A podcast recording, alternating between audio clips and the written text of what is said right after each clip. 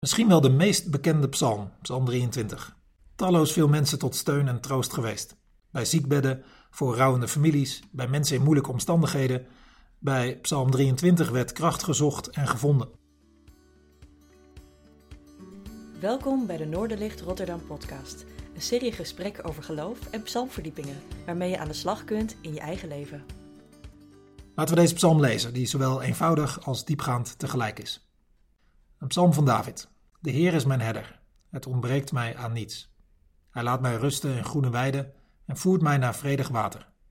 Hij geeft mij nieuwe kracht en leidt mij langs veilige paden tot eer van zijn naam. Al gaat mijn weg door een donker dal, ik vrees geen gevaar, want u bent bij mij. Uw stok en uw staf, ze geven mij moed. U nodigt mij aan tafel voor het oog van de vijand. U zalft mijn hoofd met olie, mijn beker vloeit over. Geluk en genade volgen mij alle dagen van mijn leven. Ik keer terug in het huis van de Heer tot in lengte van dagen. Het beeld van een herder wordt hier gebruikt in de eerste verse van deze psalm. Denk niet aan een idyllisch figuur, maar denk aan een hard en gevaarlijk beroep.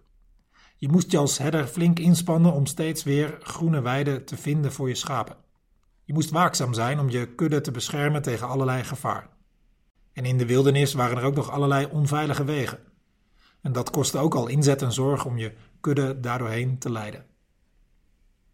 De dichter van deze psalm ziet God als zo'n herder, die ervoor zorgt dat het je aan niets ontbreekt, die langs veilige paden leidt, die rust geeft in groene weiden, die voert naar vredig water, die nieuwe kracht geeft. De Heer is mijn herder, zegt deze psalm, in heel persoonlijke taal. Je zou bijna kunnen denken dat de dichter denkt dat met deze God je nooit iets zal overkomen. Je altijd welzijn en voorspoed en gemak zal kennen. Maar de dichter weet dat het zo niet is. Met deze God ben je niet uitgesloten van gevaar, problemen of moeilijkheden. Deze God leidt je niet keurig om alle hobbels in het leven heen. Nee, dat niet. Maar deze God blijft er wel bij. Ook te midden van gevaar, problemen of moeilijkheden. Zelfs al gaat mijn weg door de dal van de dood, stelt hij, u bent bij mij. Zelfs dan, zelfs in het dal van de dood, waar het donker is, pijn doet, daar blijft deze herder, God, erbij. En geeft hij moed om er doorheen te komen. In de Bijbel wordt God vaker vergeleken met een herder, en in het Nieuwe Testament Jezus ook. Hij wordt de goede herder genoemd die zorgt voor zijn schapen. Bij Jezus was er ook al niets idyllisch aan. Het was een harde, gevaarlijke opdracht die hij had om voor zijn kudde te gaan. Hij volbracht die opdracht. Hij gaf daarbij zijn leven voor zijn schapen. Deze goede herder weet van het dal van de dood. Hij is er doorheen gegaan om zijn schapen voor te gaan.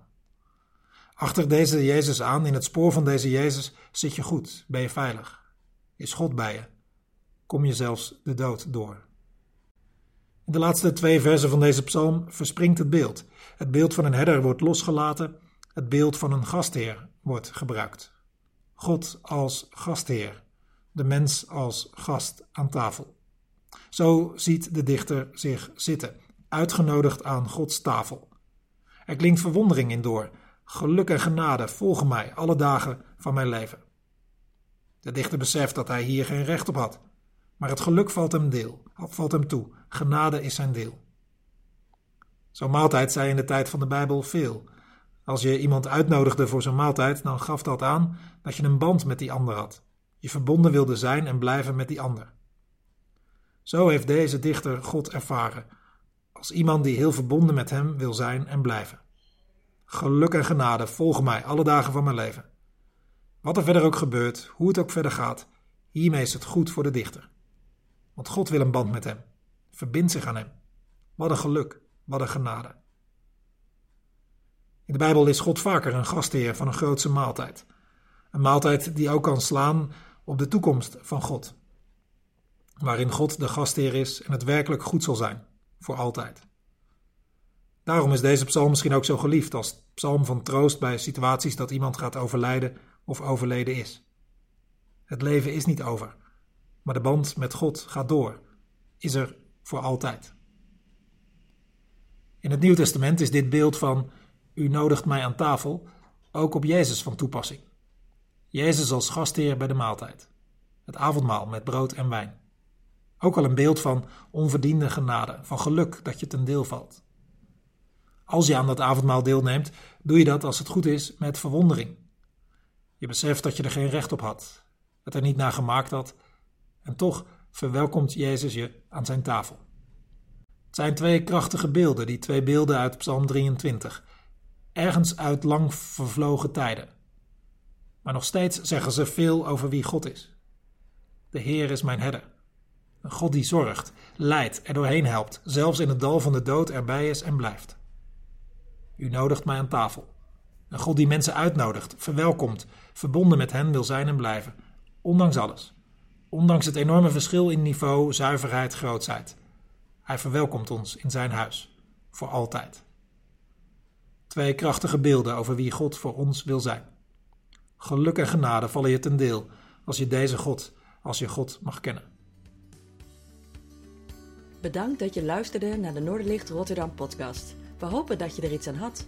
Je kunt alle afleveringen beluisteren via Spotify, Apple Podcasts, Google Podcasts en natuurlijk via www.noorderlichtrotterdam.nl. Heb je een verzoek voor een onderwerp of heb je een idee voor een gast in de podcast?